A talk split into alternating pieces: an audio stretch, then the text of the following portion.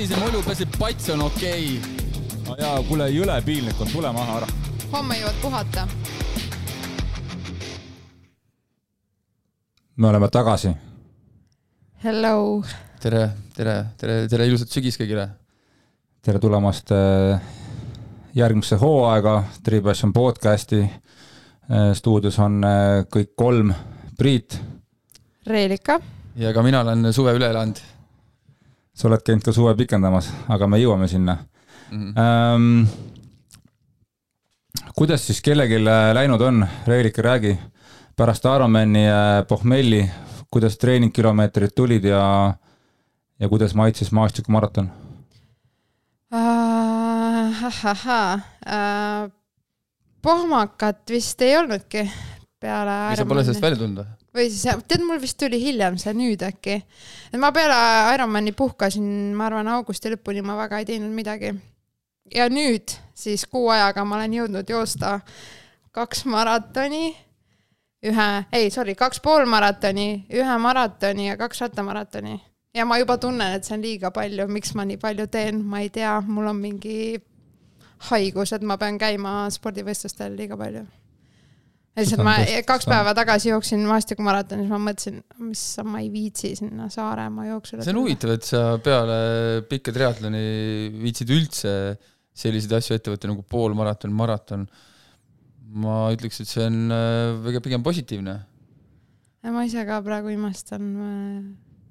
ei, tegelikult on äge, mulle meeldib käia üritustel, et äh, natuke mõtlesin ka selle peale, et on on osa inimesi, kes teevad väga tublisti trenni ja siis nad kuidagi fokusseerivad ennast hästi ühele võistlusele ja nad teevad seda väga hästi, neil ei ole vaja olla igal pool, käia igal üritusel. et nüüd, kui ma seda hooaja lõppu vähemalt enda puhul vaatan, siis äh, mul täpselt oli see, et ma, ma lihtsalt, ma tahtsin käia, mulle tegelikult meeldis ja meeldib Mina, ja ilmselt seepärast ma, ma käin ma ka. ma pean tunnistama, ma olen natuke üllatunud, kui ma ühel päeval Strava lahti võtsin ja siis vaatasin, Reelika Toome jooksis lihtsalt maastikul maratoni ja mõtlesin, miks mitte, väga põnev. ja siis otsustasin, et hakkan ise ka jooksmas käima. kas sa panid, kas sa panid kudose ka või? ma panin kindlasti kudose. ei pannud. raudselt panin, ma pärast vaatan. kindlasti panin, olen nüüd. kindlasti panin. kuhu sa siis jooksed? oota, oota, oota, oota, sa ära nüüd kiirusta, ära kiirusta, see on üllatus ei, ma nägin, et Vidrik käis eile hommikul jooksmas. Sorry, et hakkad ala vahetama. ei, mina tahaks niimoodi küsida, et äh, Vidrik käis äh, suve pikendamas, käis lõunamaal päevitamas tal on väga jumekas praegu. ja no kes vähegi Vidriku story sid jälgis, on ju, siis ta käis seal tegelikult, ta käis jooksulaagris. ja Margus Pirksaar ja Henno Aava, kas te olete valmis selleks, et äh, Vidrik Vaiksaar tuleb Saaremaa kolmapäeva jooksule starti? Kas te olete, kas te olete valmis selleks või? et mina igal juhul äh, ka mõtlesin Velika moodi, et kas ma tahan sinna starti tulla äh, mul tegelikult nii head jume, kui sealsed kohalikud poisid äh, endale peale ei õnnestunud saada, aga jooksmas ma tõesti käisin. ja õnnestus tegelikult ka näha Aafrikas siis sealseid jooksugruppe ja ma sattusin kuulata, kuulama Äh, sellist äh, ühte podcast'i staadionijutud äh, Latsepoviga või? on vist on nii? võimalik jah.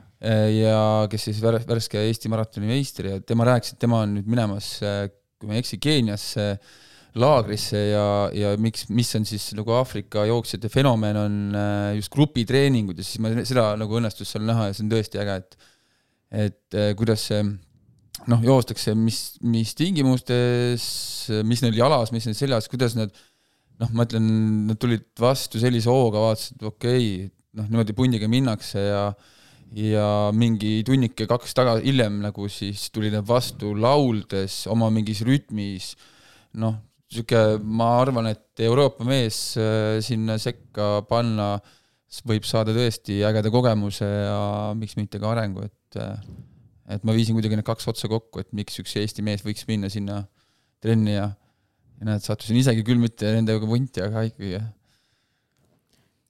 aga said jooksualad alla või ehm,? paraku ei olnud seal mitte millegi muuga teha, kui natukenegi ennast liigutada, oli võimalus ainult jooksmas käia ja siis me seda kasutasime, et jah. ma käisin siis Madagaskaril, seal ähm, on äh, nii, et kui sa oled äh, linn, linnast väljas või noh, mis iganes muus piirkonnas kui suurlinnas, siis on kõik hästi, et võimalusi on nagu palju, kus joosta, kui kuumust taluda, aga suurlinnades ikkagi väga keeruline, et äh, esiteks valge mees on väga populaarne äh, ja teiseks on kohutav, kohutavad on need linnad, et seal jooksutrenni õnnestus ainult rannaliival teha, et ma hüket ei viitsinud teha, siis ma treenisin oma pöida lihtsalt liival sumbates põhimõtteliselt, et jah. aga, aga seda kõike ainult Saaremaa jooksu nimel. sa- äh,, sorry äh,, Tartu linnamaratonil oli siis näha, kuidas mitmed Eesti jalgratturid äh, tegid siukest, ma ei teagi, kas öelda jooksu comeback'i või nad siis, ma ei tea, kas nad on varem jooksnud või mitte, et kuidas sul siis see, kas, äh, mis aeg tuleb Saaremaal? kümme, kümme kiltsa esimene päev? tead, ma alguses mõtlesin päris tõsiselt, et ma, et ma proovingi sihuke kuuga ennast nagu mõistlikusse vormi ajada, et jooksen siis seal ka mingi noh. Alla neljakümne? ei, ei kindlasti mitte, aga noh, ütleme sihuke neljakümne kolme, neljakümne nelja, noh kuskil sinna augus on ju äh, kui ma siis esimesed kolm trenni ära tegin ja ma tundsin, kus mul siis peale kahtekümmend, kolmkümmend, kolmekümmend minutit valus ja vastik, vastik hakkab ja, ja mida mu keha siis nagu tunneb, kui ma ei ole sellega tegelenud, ähm, siis ma loobusin sellest mõttest puhtalt sellepärast, et äh, et kui ma harjutan täna ennast jooksma ja tekitan endale lõpuks sellise nagu põhja, et mulle meeldib jooksmas käia, mis on nagu väga lahe, see üks, ühelt maalt tekib, kui sa seda teed, on ju, ja siis ma lähen Saaremaa jooksul ja esimesel päeval kümnendal kilo, kümne kilomeetri jooksin ära ja jooksin ennast vigaseks, et äh, siis tekib selline efekt, et äh, ma ei taha enam joosta. et siis ma loobusin sellest ja lähen sõber Mikuga seal üldse rahvale seda kõike tegema, et me lähme siis jookseme koos kõrvuti. Kes iganes see rahvas on, kelle me seda teeme, aga, aga nii me kokku, kokku leppisime. et, et tegelikult seal muud ei olegi. ja miks Saaremaa jooksule, sest et äh, ma ei oskagi öelda. sest et üks päev joosta on liiga vähe, on ju. ja, ja ma tahan ka maratoni joosta et äh, aga ei, et äh, üritus lihtsalt ise on lahe ja, ja miks mitte lihtsalt sõpradega ja ma olen seal kolm, ma ei teagi, mitu aastat käinud lihtsalt äh, kaasa elamas ja niisama siis seda nädalavahetuse nautimist mõtlesin, et võiks ikkagi lõpuks ka siis ise jälle proovida joosta natuke. ma ilma naljata nagu mõtlen seda, et kas, kui sa oled äh, tipprattur või väga kõva rattur, kui raske on hakata jooksma või kui lihtne? ma ei, ma ei saagi sellest aru, et mulle tundub, et mõned ratturid jooksevad nagu väga hästi ja teised üldse ei jookse. kust see siis tuleb? ma ei tea, ma, ma arvan, et äh, ka kehad on väga erinevad ja samamoodi, kui palju sa siis äh, mm, kui oma kehaga nagu üldiselt vaeva näed, et ma võib-olla noh, üks asi on siis jah, tõesti see, et palju sa varem jooksnud oled ja teine asi on ka siis see, et üks asi on siis ratta selles kõva olla, teine asi on siis kogu see mobility, et palju su keha lõhub, su jooksutehnika, et et ma arvan, et kui sa siin ennem tõid välja, kes siin maratoni jooksid, siin Oskar Nisu ja ja Kerti Jõeäär, siis no ma arvan, Kerti Jõeääre sugusele mehele mingi maratoni joosta ongi võib-olla mitte väga suur väljakutse, vaid ma kui sa väga vaeva näeks, siis, siis võiks ka seal nagu päris hea aja joosta no ma tegelikult nägin teda seal Tähtveres, see oli, see hetk oli talle väga suur väljakutse see. ja ei, ma kujutan ette jah, et kuskil ma lugesin ka, et ta ikkagi no tal tekkis vist mingi toitumisteema seal, et see vist oli ka jah, see, selle eest ikkagi kaitseme, et keegi, keda, keegi, kedagi, keegi pole kaitstud selle eest. aga miks ma jooksma tegelikult hakkasin, ma ei saa öelda, et ma hakkasin jooksma, aga ma arvan, et ma tahan terve talve nüüd ikkagi harjutada ennast jooksmas, kuna ma tunnen, et see on äh, üks oluline asi, millega enda keha kuidagi muud moodi liikumises veel lisaks rattale hoida. et ma tunnen, et sellest oli see aasta puudus. ja, ja nii ongi. no meil on tulemas veel ka see Audi vana aasta teatemaraton ka, et sa pead, sa pead, sa pead selleks ennast vormi ikkagi hoidma et.... aga ma arvan siis lihtsalt, et mu tiimikaaslased peavad arvestama, et äh, et no meil on ma tulen sealt omajagu ajaga, aga, aga ma tulen, ma tulen. kes, kes sinuga tahab ühes tiimis no võib-olla Mikk tahab ja võib-olla ei me,. meil on Tripassion üks ja siis sa oled seal avavahetuses, ma arvan. ei, sa ei panegi välja, kes, kes seal osaleb ja lõpuks äh, läheme starti, siis ma olen see ankrumees. Ankermas on kõik kurvem olla no,. midagi tegelikult nii hullu ka ei ole, ma arvan, et kui ma tahan, siis äh, on võimalik ka täitsa okeilt joosta ja eks see tiimiga jooksmine, siis ma tea, ma tean ennast, et äh, et pole vahet, et järgmine päev jälle kõik valutab. et ikka lähed tiimi eest välja. okei okay,, no veits kahju, ma ka lootsin, et kui sa seda Mart Kivi seal stardis näed, siis seal äkki midagi avaneb, aga ei, tuleb välja, et ei avane, et. ma rääkisin praegu esimesest päevast, teisel päeval on see, kus me Mardiga koos jooksma hakkame. et äh, ma ei tea, kas Mart meie, meie saateid kuulab, aga. no nüüd võiks kuulata noh vähemalt mm., aga selles mõttes on nagu tark, et ähm, et Saaremaal jaa, kes esimese, esimese päeva nagu targalt jookseb, see jookseb ülejäänud päevad ka päris hästi. minu mõte on olnud lihtsalt see, et, et, et jooksmine on minu jaoks noh, pean ütlema, et ta ei ole nagu meeldiv asi, et ma lähen nüüd hea meelega jooksma. ja ma tahan, et see, ma tahaks seda muuta ja kui ma lähen nüüd, tegelikult Saaremaal olen kohe ju, et kui ma lähen sinna ja ennast teiseks päevaks vigaseks jooksen, siis ma olen kindel, et ma järgmine nädal sealt edasi ei taha seda teha, nii et ei ole mõtet enda nagu, endale tegevusele vastu hakata tege-, tegutsema. aga räägime millestki muust ka veel minu Saaremaa jooksust, Priit Alkudest. no mul on äh, positiivne see, et äh, minu siis äh, suured plaanid see aasta teha Tartu maratoni klassikut sai lõpuks maha sellega, et ma sain maha ka esimese ja viimase stardiga. et mul on need üritused järjest ära jäänud siin. kord on Covid mind maha tõmmanud ja siis on mingid muud üritused olnud ja siis on olnud mingi cycling weekend'id ja asjad ja siis on on jälle mind tervis maha tõmmanud ja nüüd lõpuks sain ühe stardi kirja, aga sellega kahjuks Kristo Pranglile konkurentsi pakkuda ei suutnud. Et võib-olla järgmine Pr aasta. Prangel ju võitis klassikusarja. palju õnne, Kristo! veel ei teadnud, siis meie Tubli. klubikaaslane, tuntud, tuntud rattur. temaga oli ka talve Akul saade, kes, kes, kes ei tea, kes Kristo Prangel on, siis kuulake järgi nüüd on äh, tugev triatleet ja nii mängeldes, nii muus eas äh, võitis ära Tartu maratoni klassiku. Pole midagi öelda. võttis äh, isa Raidult äh, teatepulga üle. Muidugi eks näha ole, kas seal perekonna sees nüüd siis ka see asi nii jääb. või tuleb üldsegi pesamuna ja hakkab neid sealt üle trumpama, et väga põnev igastahes seal, seal selles seltskonnas. aga Tartu maraton, mina käisin seal sõitmas rattamaraton. rattamaraton, jah mm. -hmm. et äh, kus Priit osaleda ei saanud, et äh, väga äge oli ja jäin, jäin kogu üritusega väga rahule, et, et, äh, et super. sinu jaoks ei tulnud finišit liiga vara või? Ei tulnud ma võrdleks seda sellega, et eelmine aasta mul ikkagi kuskilt maalt tundsin, et läheb, läks nagu ikkagi keeruliseks. et kas siis mingi osa seal alguses läks liiga intensiivseks, et seal kuskil viimasel kolmandikul oli mul juba ikkagi probleeme minu arust energiapuudusega. see aasta oli nagu lõpuni okei okay,, aga ma olin maastikurattaga Graveli, mis lõpus me sõitsime selle mingisuguse seitsme-kaheksa mehese pundiga ja ma olin ainuke mees, kes maastikurattaga oli ja ma sõna otseses mõttes lihtsalt, ma ütlesin, et ma ei käi eest läbi, sest et ma jään maha, et et, et, et Gravelitega võidu sõita oli seal juba selle lõpu, lõpufaasis päris keeruline, et see Siledal oli mõistlik lihtsalt seal oma positsiooni hoida ja kõik. ja ka ma mäletan väga selgelt, kui sa eelmine aasta peale Tartu rattamaratoni. et ma Graveliga lähen. jah, sa sõitsid Graveliga, sa ütlesid. ja, ma ei kahetse, lihtsalt. et äh, rohkem ei. jah, ma seda, selles mõttes ei kahetse, et aga, aga, aga jah, seal kuskil, kus läheb päris kruusateed, kruusateedeks ära, siis on ikkagi jah, sellel rattal eelis. Aga podcast'idest rääkides, siis äh, hakkab uus hooaeg.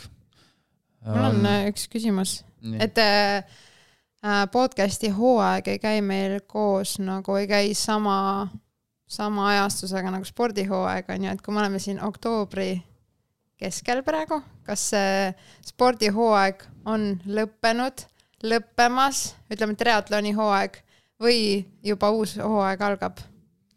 see on nüüd siis meil endil või? jah minul... kuidas see siis on, ma ei saa aru, et ma omast arust, ma siin veel jooksin maratoni, et ma nüüd alles hakkan puhkama, aga ma näen, et osad hakkavad juba treenima. mina olen see, kes ma, ma arvan, et ma olen oma selle nii-öelda vaba momendi, mis ma iga sügis plaanin võtta, ära teinud. küll ma teen seda veel natuke, et öö, oktoober on niisugune mõnus kuu või kus võib lihtsalt käia väljas liikumas, rullsuusatamine väga äge ja see, et ma ei tee seda üldse süstemaatiliselt, ma lihtsalt naudin liikumist, aga ma armastan nagu iga aasta kolm-neli nädalat nagu mitte midagi teha ja siis see osa on küll tehtud, jah. Priit, Priit, Priit. Ma ei oskagi nagu sellele väga hästi vastata. nonstop, ta on no ta, ta on nagu on... meil üks kurikuulus äh, klubiliige, kes paneb aastaringselt lõike, nii et jaa, et ses mõttes nagu mis hooga, see väga palju sõltub, et meil on, meil on mõned uued klubiliikmed, kelle jaoks põhimõtteliselt praegu on silmad grillis ja davai, panna on vaja. meil on mingi osa, kes praegu puhkab, on täitsa audis ja meil on mingi osa, kes ei ole osanud veel maha tulla, kes võib-olla jookseb veel Saaremaad ja siis ta jookseb veel äh, mingit Haanja sadat, on ju, ja siis, siis võib-olla ta tuuakse maa peale tagasi ja siis ta puhkab, on ju. jah, tegelikult on ikkagi see et see ka... ongi individuaalne. jah, aga igaüks teebki täpselt see, mis ta tunneb, et nagu tema jagu on mm. -hmm. et siin Reelika just, noh, teie, teie keegi ei näinud, aga Reelika just uhkeldas, et tal on kõik varbad sinised ja temal ütles, et jumala, jumala mõnus, mul on varbal suur vill, te ei kujuta ette, kui hea sellega näitas oma küüne, küüne, küünalakke siin ja asju, noh. et ta üritas mind hirmutada sealt jooksuteelt eemale, aga sellega, see, ta peab rohkem vaeva nägema. oi, räige Villis on ju aga ma arvan, et peaasi, et sa ise oled nagu õnnelik, et ma olen ka juba käinud äh, rullsuusatamas niimoodi, et mingid rattapundid sõidavad mulle otsa põhimõtteliselt, äh, et siis nagu jah, veits kõike sihuke kurb on, et võiks ka rattaga sõita, aga nagu ei viitsi vaata, et rullsuusk on ka päris äge juba, et.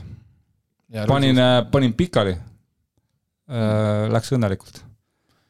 et ikka ohtlik on, et äh, mingi käbi jäi kuidagi ratta vahele ja omast arust nagu handle isin ära, aga tegelikult ei handle inud ja olingi pikali kuskil seal. Õnneks kukkusin nagu asfalti eest kõrvale, muru peale, jurraki. see oli päris ma läksin tükk aega mõtlesin, kas ma enam lähen. kõik, kes Tallinnas elavad, teavad ähm, äh, Kleeni pargis on see asfaltitõus või siis noh, teistpidi laskumine. ja siis ma eelmine aasta pidin sõbraga kokku, ma mõtlesin, oh, sealt on hea lühike tee minna ja siis panin rullidega sealt alla, alla, et äh, praegu mul tuli nagu silme ette see, et kus see oleks, kuidas see oleks võinud lõppeda seal, et ma sain lõpuks jooksma kuskile kruusa peale, seal jooksin ja lõpetasin ikka kellegi muru pervel, aga, aga õnnelikult, et sa alumuse kurvi võtsid ikka ära või? ei, ei võtnud. et ma panin jah, sinna kuskile kruusa peale, jooksin seal klassikasammu, noh, nagu, nagu tõusu joostakse. klassikasammu mäest alla või ja muru peal jah, ja siis kuskil kõhuli seal kellegi aia perves see on äh, jah. et rullsuusatamine on jah. äge on. minge kindlasti, minge kindlasti sõitma. minge jah, äh, proovige. ja see laskumine tegelikult ei ole üldse hull, et. et ma juba jah, ootaks, et saaks selle äh, Rivo ja Taaviga minna sõitma kuskile, et. jaa, see on, see on, see on ja hea. Matt võiks tulla veel võib-olla. Matiga saab ainult jälle mingi viietunnised teha, ma esialgu võtaks need vahele. siis ma ei tule ikka. aga aga podcast'i koha pealt veel ma viisin teema kõrvale. Podcast'ide koha pealt ma mõtleks just seda, et on olnud aega selle vahepealse ajaga koguda mõtteid äh, üldse millest ja kellega rääkida.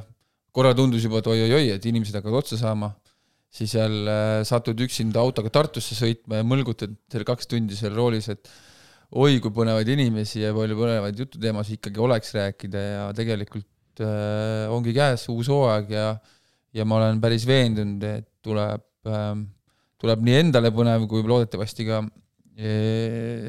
kõigile kuulajatele, et, et äh, neid jutuajamisi on ja, ja ma usun, et äh, esimene hooaja, esimesest hooajast rohkem saateid võiks ikkagi küll teha kokku, kui või, või mis te arvate, palju meil esimese hooaja saateid tuli? kolmkümmend kolm või, kolmkümmend neli või? Mhm. see no me alustasime ka detsembris, et ma arvan, et meil on siin paar kuud varu, et me saame ikka rohkem. aga no mis meil siin äh, kikitame, et äh, meil on äh, värsked Hawaii Ironmani läbijad tulevad siin kohe-kohe tagasi, siis need on meil siin ukse taga sabas meil, et need võtame kõik järjepidi ette. Kõigepealt... ilmselt saatejuhid üldse rääkida ei saa, nad on nii ekstaasis. Nad on nii ekstaasis seal, tulevad tagasi, kõik on magamata. et eks nad siis räägivad oma hinge puhtaks, mis seal Hawaii Ironmanil tegelikult toimus ma arvan, et need saavad olema päris põnevad äh, jutuajamised. ja mis siis veel? jah, mõni ürituse korraldaja kindlasti. endine ja praegune.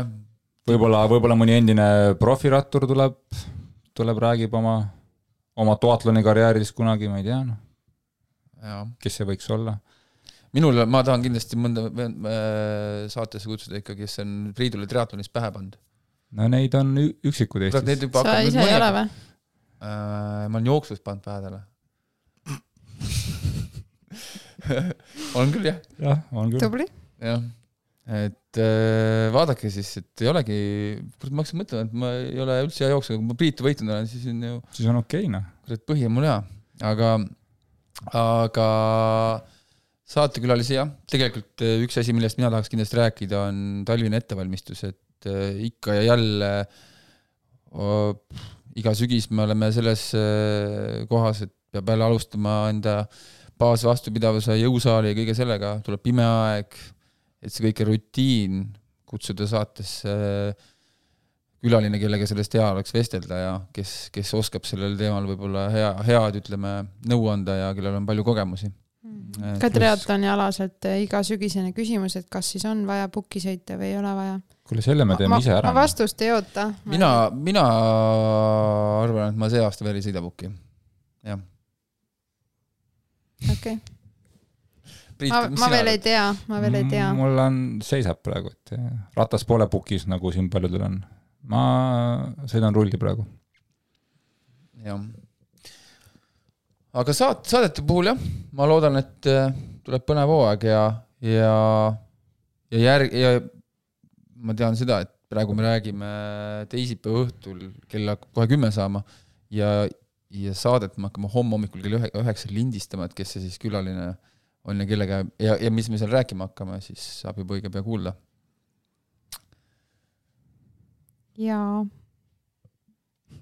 Et ilusat hooaega teile, kallid, saatejuhid ja, ja, ja kuulajad, siis hoidke kõrvad kikkis ning äh, Reelika, meie suur sotsiaalmeedia hunt, kindlasti teeb siis ka postitusi, kui osad on üleval. Jaa, teeme, teeme. ei ikka, anname teada, kui tuleb uus osa, jätkame, ma arvan, enda tavapärase rütmiga.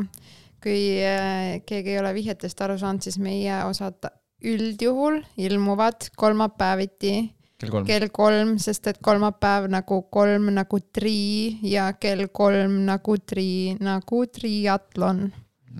nagu tri passion, nagu meie siin kolmekesi trio või no tegelikult on kell viisteist null null, et siis nagu, nagu viisteist ka. mis viisteist? no see jagub kolmega, see on viis. jagub ka viiega, see on kolm. ja see on nendele, see on nendele ka pühenduseks, kes teevad täispika triatloni viisteist tundi. jah yeah.. ja, ja, ja neile, kes jooksevad maratoni alla kolme tunni. see on pühendusega teile. aga selge siis äh,, kuulmiseni ja, ja tšau head kuulamist. head kuulamist, tšau.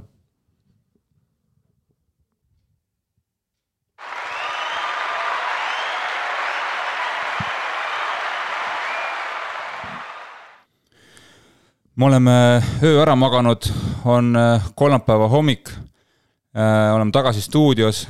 Ähm, meil on stuudios äh, kahekordne Ironmani lõpetaja ja ligemale kümme poolpikka Ironmani ja lisaks veel Triistar üks, üks ühtesid ja Triismall triatlone teinud ähm, jooksuekspert Tarmo Torim ja minuga on siin kaassaatejuhiks Vidrik Vaiksaar, kes siis äh, kahekesi aitab mul Tarmo Torimati ette võtta. tere, Tarmo! tere, Priit ja tere, Vidrik! tere hommikust! meil on äh, ainulaadne juhtum niimoodi, et me siis eile õhtul salvestasime intro ja täna salvestame osa ja osa läheb meil kohe ülesse ka, et sellist asja pole varem olnud, et veits pinge on peal praegu.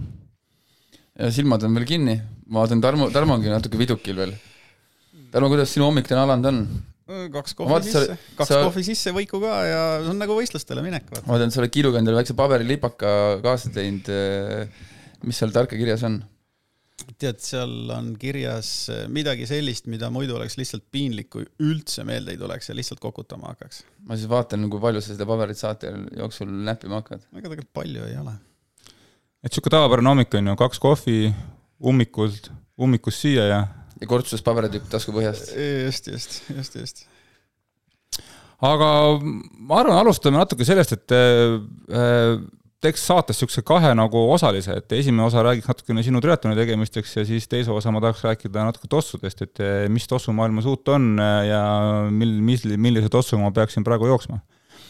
Et eh, lühidalt, kuidas sa siis sattusid just niisuguse siis triatloni või, või, või vastupidava spordimaailma juurde, sest ma tean, et sa oled lapsena teinud kergejõustikku mm. -hmm. no ega tegelikult Äh, tossud viisid mind äh, triatloni maailma no niipidi üldse see oli jah, päris huvitav, et eh, sattusin sinna niimoodi, et Ain Alar, kui ta hakkas tegema päris niimoodi korralikult võttis ette, eks ole, selle triatlonide korraldamise. Eestis ja tõstis taset kõvasti nende Tristaari ettevõtmistega, siis tema kutsus öö, mind kui tossu maailma siis nagu tossumaailmas tege-, tegutsejad EXPO-le, Triistari EXPO-le.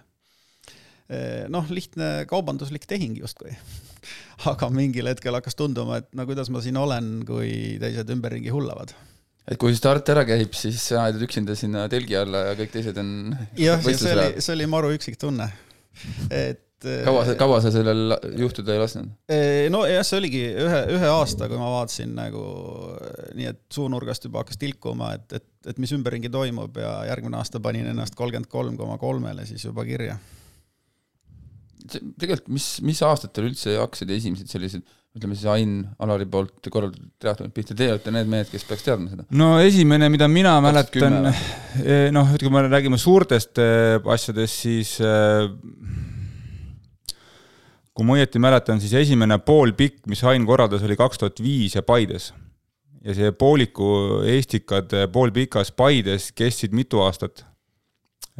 Kuniks kaks tuhat üheksa ta kolis sellega Otepääle, tegi poolpika Eestikad ja kaks tuhat kümme oli esimene Tristar. kus siis oli Tarmo oli telgiga kohal ja siis kaks tuhat üksteist ma siis eeldan, et sa tegid selle kolmkümmend kolm koma kolme.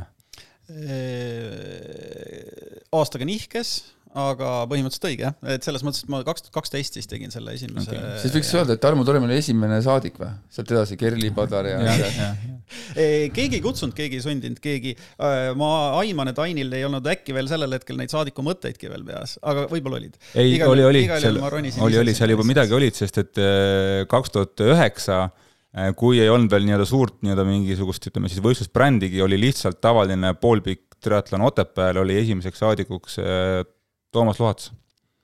ja ju-, ja juba oli siis ikkagi pandi kella külge, et tavainimene suudab ja siis järgmine aasta Aa. olid need kõik muud seal, Kertu Jukumi tulid ja järjest läks nagu. just, just, okay.. et tegelikult võib-olla sa olid niisugune, olid küll saadik, aga niisugune nagu vaikne niisugune saadik keda keegi ei tea. keda keegi ei tea. täpselt, täpselt aga igal juhul see oli, see oli niisugune koht küll, kus, kus no lihtsalt ei saanud kõrvale jääda, no ei saanud, sest et noh, see ei ole ka loogiline, et sa et sa oled asja sees ja samas ei ole asja sees. aga minnes natuke tagasi, kuidas sa sinna tossude juurde üldse jõudsid? Oi. et miks selline, kas äh, noorest peast oli soov teha sporti, aga polnud tosse ja siis otsustasid, et nüüd hakkad ise sellega? eks see enda spordi tegemise aeg oli küll sel ajal, kui veel ei olnud tosse, jah nii et, nii et mingisugune äkki, äkki see mingi seeme on sellest ajast pärit, igal juhul seda ma mäletan, et kui ma olin päris pisike tatikas, siis ma mingi Marati särgile joonistasin Adidase logot peale ka minul on sarnane kogemus, ma tahtsin jalkasärki ja siis võtsin valge särgi ja tegin markeriga, ma ei mäleta, kas see number oli kuus, aga jama oli see, et ma ei pannud vahele mingit paberit, siis see kumas kõik läbi eespoolt ka, ehk siis ees oli tagurpidi kuus. Ja selle peale õigetpidi kuus, ehk siis nagu ka kahjuks läks see prügikasti, see särk. Yeah.. aga miks Adi, kas sellepärast, et Nike'i märki oli keerulisem teha või?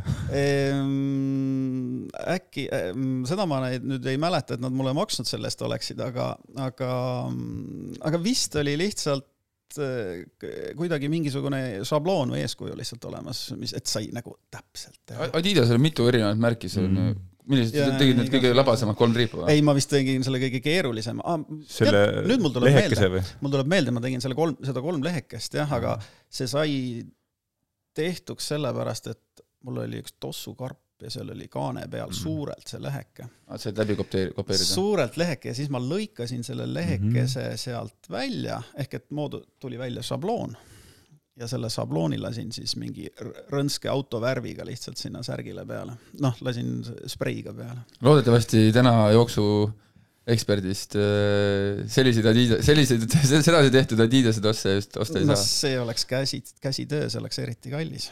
aga ei, ei ole. maksaks juurde. riiulis selliseid ei leia. aga läheks sealt edasi, sa oled pärit kuskohast? Tartus sündinud Tallinna poiss, ehk siis sealt Tartust väga ruttu siia ära vanemate abiga ära kolinud, et, et, et teadlik elu on kõik Tallinnas olnud ja, ja, ja Mustamäe poiss räägi, räägid natuke, kus kohas see, millega üldse, kus maalt hakkab sport sinuga, sul üldse seonduma? Äh, noh, eks see pigem ikka mängud on ju, mängud kuskil seal Mustamäe hoovide peal, kus äh, kõik neli seina või neli külge olid paneelmajad ja noh, keskel oli mingi murulapp ja seal siis käis mingi siblimine, mingi jalgpall ja mm, mida iganes veel. seltskond oli tookord juba sihuke, kus äh, sealt meie õueseltskonnast vähemalt kaks lõvi tuli. Äh, kui mäletate, sihuke jalgpalli. kes, kes tea, see on Martin Reimi isa. Äh, meil tuli, meie, meie, meie õue peal oli Tiit Trofimov äh, ja, ja Risto Kallaste. ma ütlen, et Martin Reimi isa Olev Reimi meeskond oli see Lõvid, kui ma ei eksi. noh, jah, seal oli, see põhivend oli, treener oli nüüd noh, vot piinlik, aga ei tule meelde. Äh, kes neil see põhi, põhi. võib ka olla nii, et minu fakt on vale, aga mul, mul on see raamat olemas tegelikult. eks kui ma sealt loen, kas ma leian sinu ka või? ei, ei, ei okay., mina jalgpalli mängisin ainult õuel aga sealt edasi tulid kergejõustikutrennid ikkagi, sest et vanemad olid mul mõlemad kergejõustikutreenerid. ja sealtkaudu kuidagi noh, pool elu staadionil veetnud või isegi terve elu või peaaegu siis võib nii öelda. aga kergejõustik, seal siis kõik alad äh, kokku ei, või jooksualad? ikka või? pigem see jooksmine hakkas nagu kogu aeg äh, pigem meeldima, no mingid kaugushüpped ka, aga, aga jah, jäi jooks ja, ja, ja mm, võib-olla kõige paremini tulid välja mingisugused tõkkejooksud. et äh, ma ei tea, kuidagi tehnilisem oli või, või meeldis rohkem või aga, aga ei, sellega väga kõrgele ja kaugele siiski ei purjetanud, et vist ütleme, et ähm, ikkagi ülikooli ajal juba jäi sport kõrvale, et aga mitte sellepärast, et ei meeldinud, aga lihtsalt sellepärast, et said, saingi aru, et noh, mm, kuskil on, kuskil on nagu lihtsalt mõistlikkuse piir, et äh, rohkem treenides enam kõrgemale vist ei jõua. aga, aga, aga muud huvid tulid mängu? no vot jah, muud huvid tulid tegelikult mängu, et see oli vist see, mis kallutas ära, et vot see oligi nii, et ülikooli ajal, ehk siis ma käisin äh, PEDAS, see on siis Tallinna Pedagoogiline Instituut, mis täna on siis Tallinna Ülikool. ja, ja, ja, ja ma olen siis paberitega kehalise kasvatuse õpetaja slaš treener. Aga, aga kuskil teisel, kolmandal kursusel tekkis variant äh, sõita suveks Ühendriikidesse nii-öelda mingisugune üliõpilasvahetuse kord oli ja, ja, ja sai minna abitreeneriks äh, laste spordilaagrisse suvel. ja vaat sealt tagasi tulles said aru, et maailmas on midagi veel peale spordi või noh, seal olles said siis aru, et maailmas on midagi peale spordi veel ja, ja hakkasid need muud huvid kuidagi nagu segama spordi tegemise motivatsiooni oskad sa välja tuua, mis need muud huvid olid? no ega sõnas ot-, otseses mõttes ähm, elu mis, mis noorele inimesele meeldib? Eh, noh, jah, no mm, ütleme veel nii, et minnes ma läksin ähm, Nõukogude Liidu passiga, tagasi tulles oli juba Eesti Vabariik. ehk siis see oli see aeg. ja noh, sellel ajal tagasi tulid ja said aru, et et äh, enam ei, enam ei saa vanamoodi, kõik on muutunud, ise peab elu sees hoidma, enam keegi äh, söögitalonge ei anna ja, ja nii edasi, onju. nii et, äh, nii et ähm, siis, siis, siis tekkiski jah mõte, et tuleb ikkagi mingit äri hakata ajama või midagi, jah, midagi, mis elus rohkem edasi viib, kui, kui võib-olla keskpärane sporditulemus mm. kas esimest korda Ameerikast tulid tagasi, oli sul mingit äh välismaa kaupa ka kaasas siis või? ei olnud tegelikult. jalas olid esimesed case visit ostud? ma nagu arvaks, et sealt tuli esimene see nii-öelda jooksueksperdi siis äh, alustala, et esimene kast tuli sealt ja siis. ei, kusjuures ei tulnud üldse, et sealt ikkagi pigem ikkagi tulid tagasi väga, vägagi tagasihoidlikult, sest ega noh, kõige väärtuslikum, mis seal ka, mis sealt kaasa tuli, oli ikkagi see äkiliselt avanenud maailmapilt lihtsalt midagi, midagi erilist küll, midagi erilist ma mäletan kohe, et ma sealt ei toonud.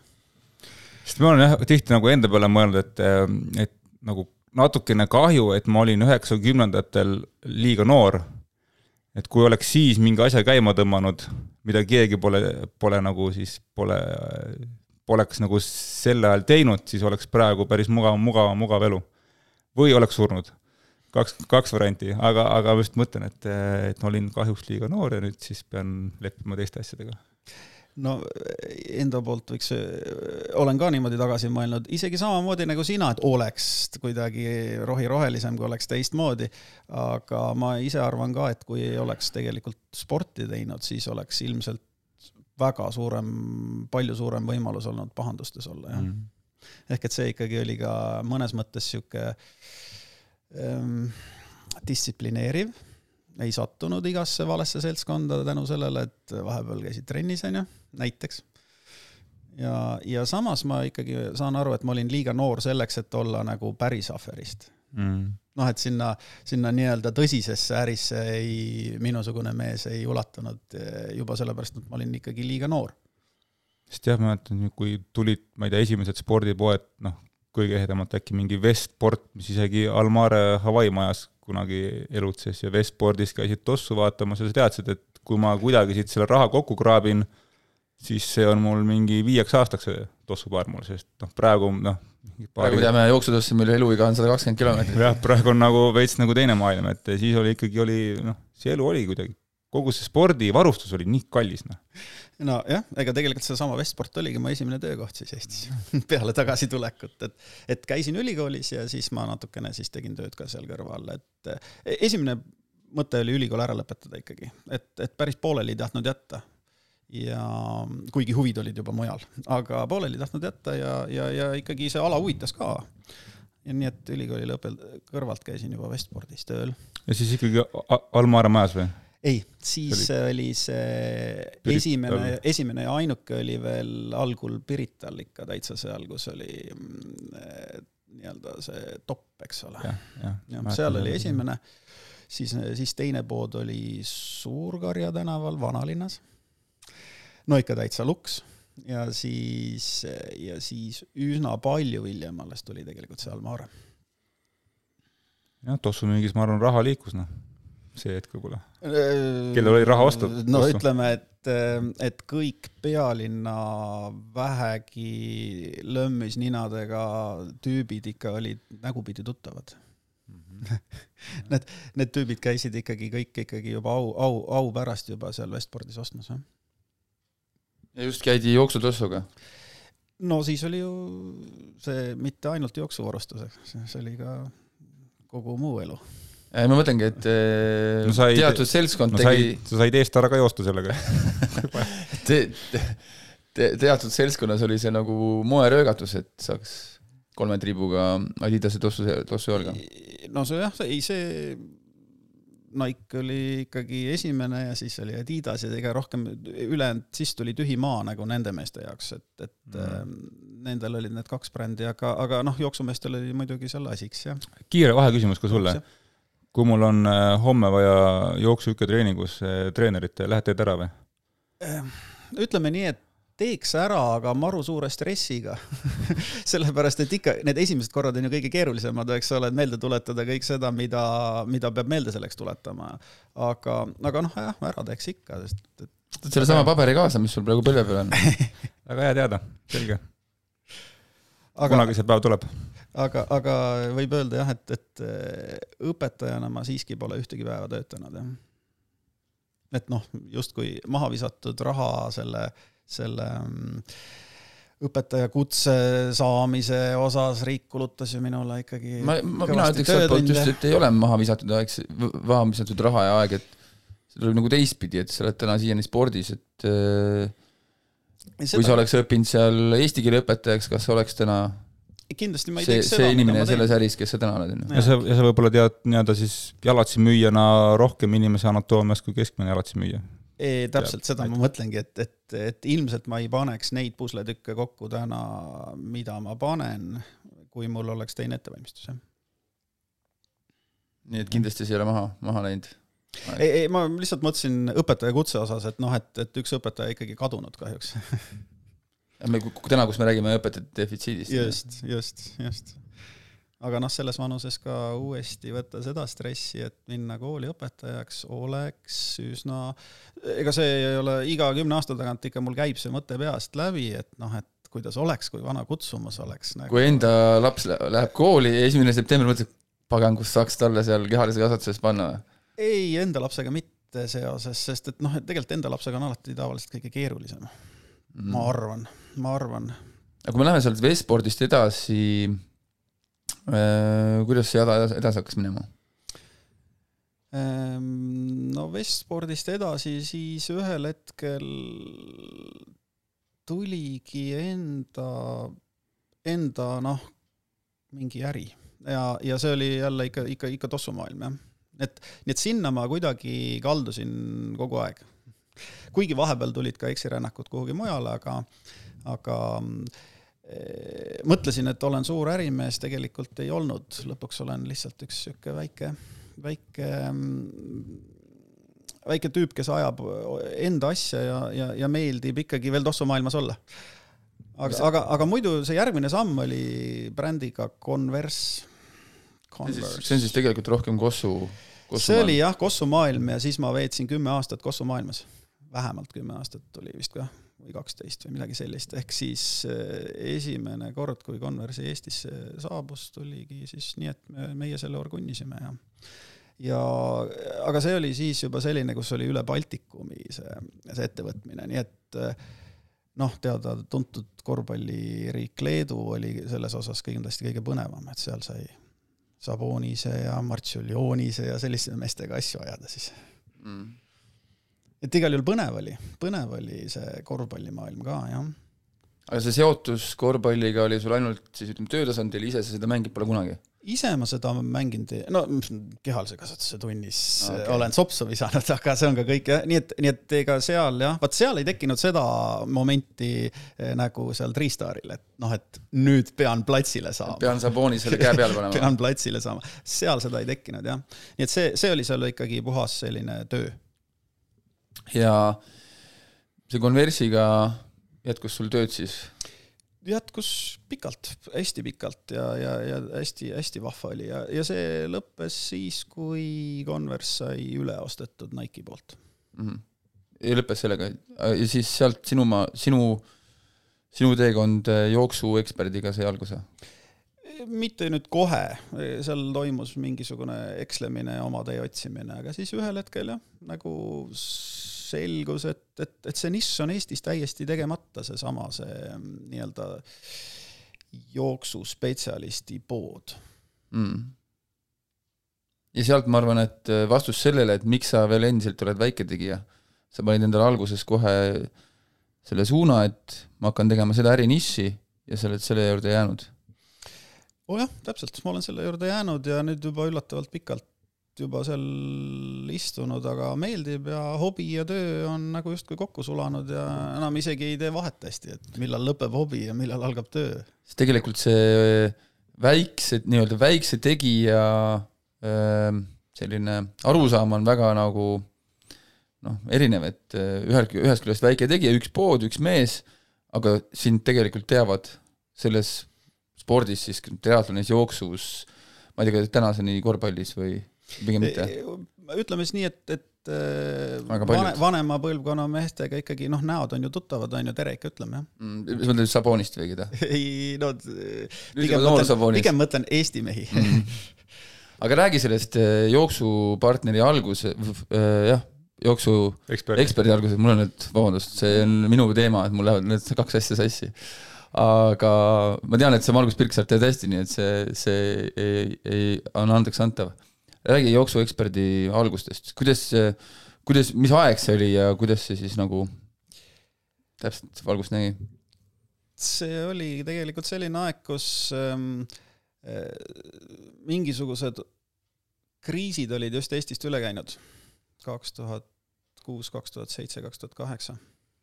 Et siis oli, oli, olid üsna keerulised ajad ja sest et igasugused suuremad, uhkemad asjad olid parajasti minu sõrmede vahel uppi läinud äri mõttes siis ja, ja sealt võib-olla edasine see, et noh, ma ei, ma ei torgi enam mingisuguseid suuremaid ambitsioone, et, et teengi asju nii, nagu, nagu enda kaks kätt lubavad mm. -hmm. aga see algus oligi täpselt nii, et, et, et ma sain aru, et päris üksi ka ei tahaks teha ja Margus Birksaare ja Ain-Alar Johansoni kutsusin punti. et me tegelikult kolmekesi alustasime sellega, jooksueksperdiga. ja kus kohas see esimene pood ilmavalgust nägi? ma, ma kahtlen, et see esimese hooga e-pood oli. ei olnud, ei ole siiani e-poodi, eks ole. aga, aga see esimene oli ikka täitsa sihuke nurgatagune koht, et kulud oleks nullis ehk siis Lasnamäel. Ja, ja, ja sealt siis ühel hetkel tuli edasi areneda ja õnneks tegi hea pakkumise väga heasse asukohta minu silmis siis äh, Äh, Urmas Saat, kes siis äh, pakkus, pakkus, et tulge meie juurde kaasüüriliseks äh, Rocca al Maresse. võib-olla sealt tuli tegelikult siis mingi nähtavus alles ah,. jah, õigus, et tegelikult siis oli, see pidi siis olema ju üsna pikka aega või? see Almare majas toimetamine? jah, jah. ühesõnaga, okei okay,, sina siis Vest, Vestpordis Almare majas ei töötanud? Vestport oli läinud ja meie tulime sina seal ei töötanud ju? ei, ei. ma mõtlesin, et oleks olnud väga selline Vestpordist olin ma ikka tagasi tulemine. enne seda läinud jah, jah, aga, aga näod olid tuttavad. Ja, ja noh, siis selleks ajaks, kui, kui juba Almaresse jõudsime, siis, siis Ain oli juba tegelikult ilusti meil ausalt tunnistanud, et tal on äh, plaanid pigem mujal, et tal ei jätku aega kõikide raudade tules hoidmiseks. ehk siis tema astus nagu jooksueksperdi asjadest ähm, juba varakult kõrvale, aga aga noh, praegu vaadates väga õigustatult, eks ole, et, et ähm, pani oma energia väga õigesse kohta.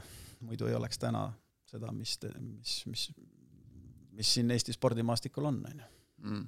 aga Margus Pirksaar? Äh, Margusega jätkasime kauem, kuni ka tema lõpuks ütles, et tead, ma teen seda treeneritööd suurema mea, suurema heameelega mm..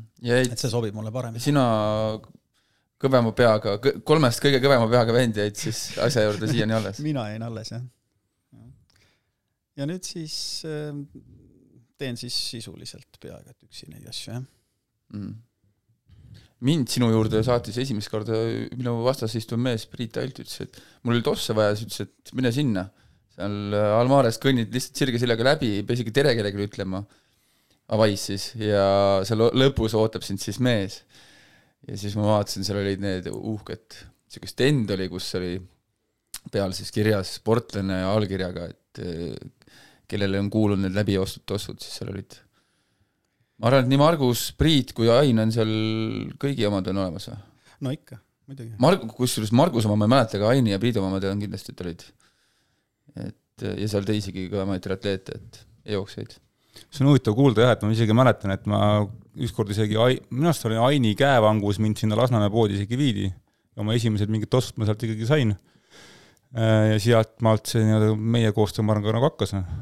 Äh, ja igasuguseid jah, brände on läbi nagu joostud ja päris nagu jah, ma arvan, et on tossu mõttes olnud päris põnev teekond, et et äh, isegi keegi küsib su käest, mis, mis tossu soovitad, siis ma ütlen, et tead, ma olen igasugustega jooksnud ja kõik on head olnud mingi hetk mu elus ja siis mingi hetk enam pole. jah, ega kunagi alustati ju mingisuguse nahktallaga kingades jooksmises jo,, jooksmisest on ju, enne kui tulid mingisugused Põhjala ketsid näiteks, eks ole, nii et äh, kogu aeg on mingi areng toimunud ja ühel hetkel sa lihtsalt ei oskagi veel arvata, millega sa kõik, kõigega võiksid tulevikus rahul olla, eks ole. Mm.. kui sa äh,, kiire vaheküsimus, kui sa praegu mõtled äh,, kuidas toimus tossu müük Vestspordis, mida sa tegid seal? no et see tossu paar maha müüa ja mida sa praegu teed kuidas see erineb ah,? kas, kas, kas üldse erineb? tead, kahjuks ei ole, see ei ole praegu, ma hakkasin kohe kiiruga, kiiruga ajuks tööle mõtlema, kahjuks ma ei müünud vist seal ühtegi paari tosse otseselt, sest et äh, minu üle, tööülesanded ei olnud lihtsalt seal nii-öelda tosse müüa. aa, nii isegi mm -hmm.? millega sa siis tegelesid seal äh,? Minu, mind kutsus sinna tööle Aivar Haller, kes oli sellel hetkel see üks, üks, üks omanikest ja, ja, ja käilakuju ja, ja põhiline nägu isegi Vestspordile ja ja äh, tema tegi mu tööülesandeks ikkagi, teades, et ma olin sealt Ühendriikidest tagasi tulnud ja inglise keel oli suus, et tegi, tema tegi mu tööülesanneteks hoopis välissuhtluse mitte, mitte et seda oleks nüüd hirmus palju olnud, aga ma olin ka ju siukse osalise tööajaga siuke noor kutt lihtsalt.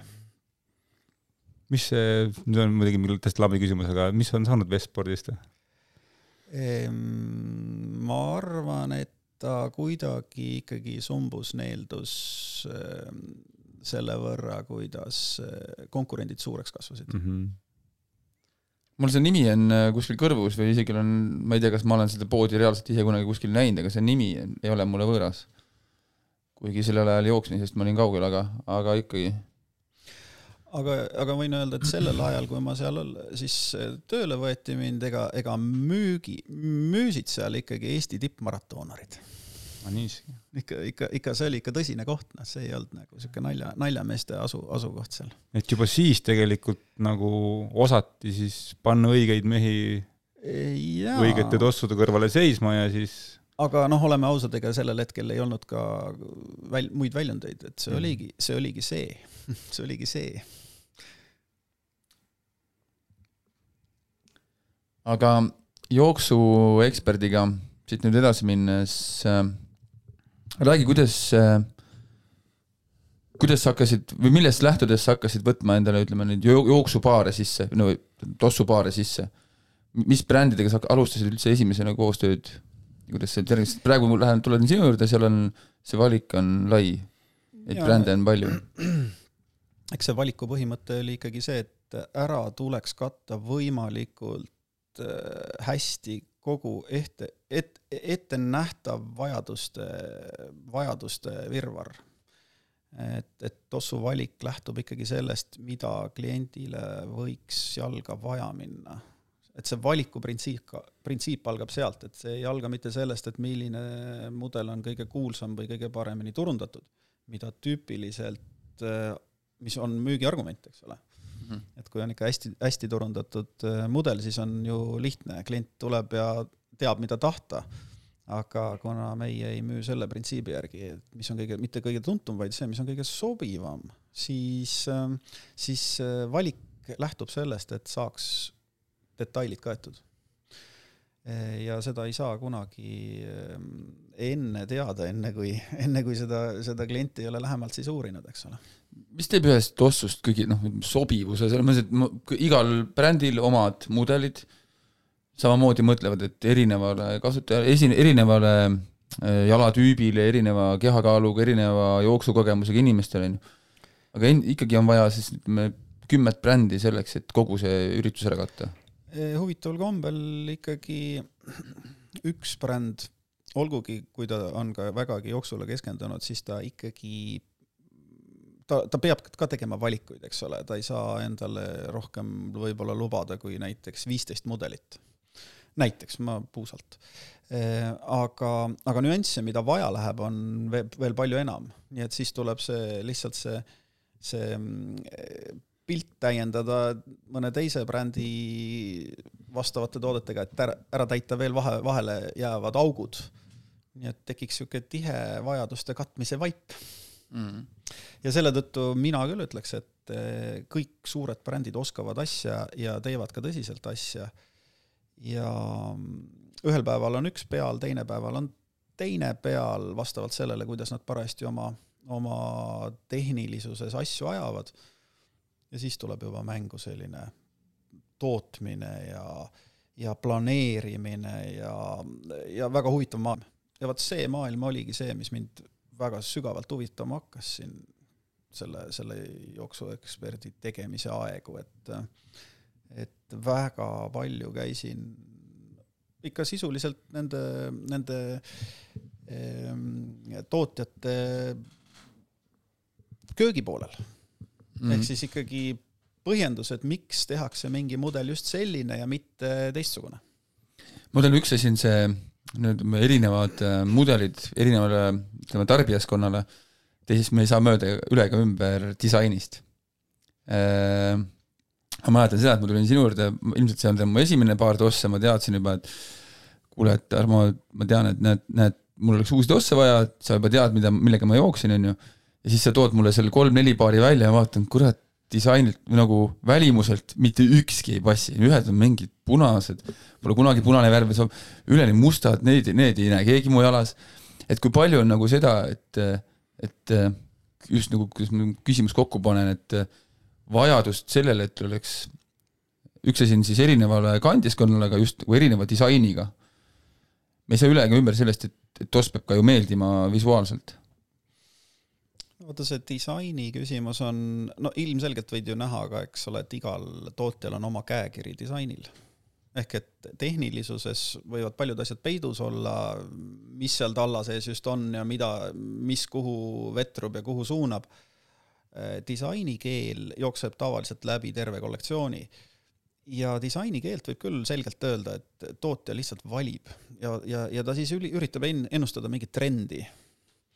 ja, ja, ja noh, selgelt võib öelda, et, et disainikeeled ikka erinevad päris tugevalt mm, eri tootjate vahel. noh, ja siis on lõpuks küsimus, et äh, millisele disainikeelele parajasti sinu silm on, on nagu leebe, leebem. mul on meeles see, kus sa ja lõpuks sinu töö ja sinu nagu jutt oli piisavalt veenev, et ma ostsin oma elu esimesed Brooksid. ma ei olnud kunagi kuulnud sellest Ameerika, on see Ameerika bränd, on ju? et esim-, e-, esimesed Brooksid ja nüüd mu elukaaslane siin kuu aega taga, kolm nädalat tagasi tuli, kuu aega tagasi tuli koju ja tal olid näpus Brooksid ja siis mul oli niisugune kerge muie, et no selge, et sa oled ka nüüd seal, et võib-olla mitte kõige noh, ütleme visuaalselt poolt, mitte minu, mitte minu lemmikeelistus, on ju, aga need tossud olid, tossud olid head, nad täitsid oma eesmärgi. no vot, see ongi küsimus, et mis see eesmärk on ehk siis eh, kui eesmärk on ilus välja näha, siis võid ju tõesti valida disainikeelt, kui eesmärk on mingeid muid parameetreid jälgida, siis eh, jälgime, lepime siis kokku, kas me jälgime neid parameetreid või valime disaini, aga need võivad lahku minna kahjuks. no samas on, mõni inimene võib-olla mõtlebki, et savi, need valutavad põlved, ma vähemalt näen hea välja. just, noh vot, et ehm, ja see omakorda siis sõltub, kui vastutusrikast ülesannet sa täitma lähed nende valutavate põlvedega, eks ole. Mm lõpuks jooksed ikka enda jala järgi, siis see põlvevalu ka ära kaob. Priit vaatab praegu selle põlvevalu jutu peale kuskile kaugustesse. nii et, nii, nii et see, see, et kas ta ilus välja näeb, see on täiesti, ma kirjutan sellele kahe käega alla, et asi peab ilus välja nägema, aga, aga kas sind maratoni kolmekümne viiendal kilomeetril äh, kui kõik valutama hakkab näiteks, kas sind päästab ilu või sind päästab see mingi tehniline nüanss, see jääb sinu otsustada siis. sportlase juures peab olema kõik ilus. kuigi seal maratoni kolmekümne viiendal on tegelikult on juba ükskõik, kas keegi näeb sind, mis sul sealt suust sisse läheb, et äh, iga asjale väljendub suust krõbe sõna, on ju, et kõik, ma arvan, see tossu välimus on seal juba. aga kas sa oskad umbes öelda, nüüd kus sa oled jooksueksperdiga tegelenud üle kümne aasta, on ju mm. -hmm. mitu testi või mitu inimest on sinu juurest läbi käinud siis? Mm, ütleks niimoodi, et ähm.... bambuus miljon ei, ei, ei, Eesti on ikkagi ju maru väike ja, ja kindlasti ei ole ju Eesti ka täis eh, nii teadlikke kliente, kes üldse jooksueksperdist midagi kuulnud oleks endiselt ju, eks ole ähm,. ja, ja ma ei pane, pane seda üldse ka inimestele pahaks, sest me turundusega ju nii väga ei tegelegi.